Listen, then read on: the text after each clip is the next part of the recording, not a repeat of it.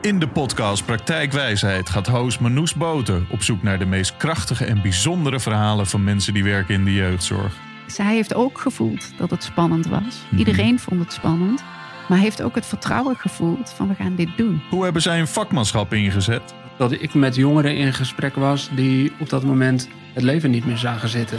Dan wil je direct in actie komen als hulpverlener eigenlijk. Wat heeft gewerkt? En we merkten heel erg door te zeggen van joh, met dat programma, eh, dat kost ongeveer 30.000 euro wat jij nu doet. Zou je dan, als je die 30.000 euro hier op tafel had liggen, zou je dan hetzelfde doen? Maar wat ook juist niet. We hadden bedacht voor de ouders bijvoorbeeld dat psycho-educatie voldoende was.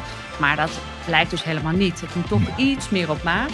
En wat kunnen wij ervan leren? dat ik dacht dat jullie eh, al je ziel en zaligheid met mij wilden delen. Komen bij mij om hulp vragen, terwijl dat was helemaal niet zo. Ze werden naar mij toegestuurd. mensenlevens bezuinigen. Ja, ik vind dat nogal wat. Hoe vaak hoor je nog van dat is nou eenmaal hoe, hoe we doen? Die hoor je vaak zeker.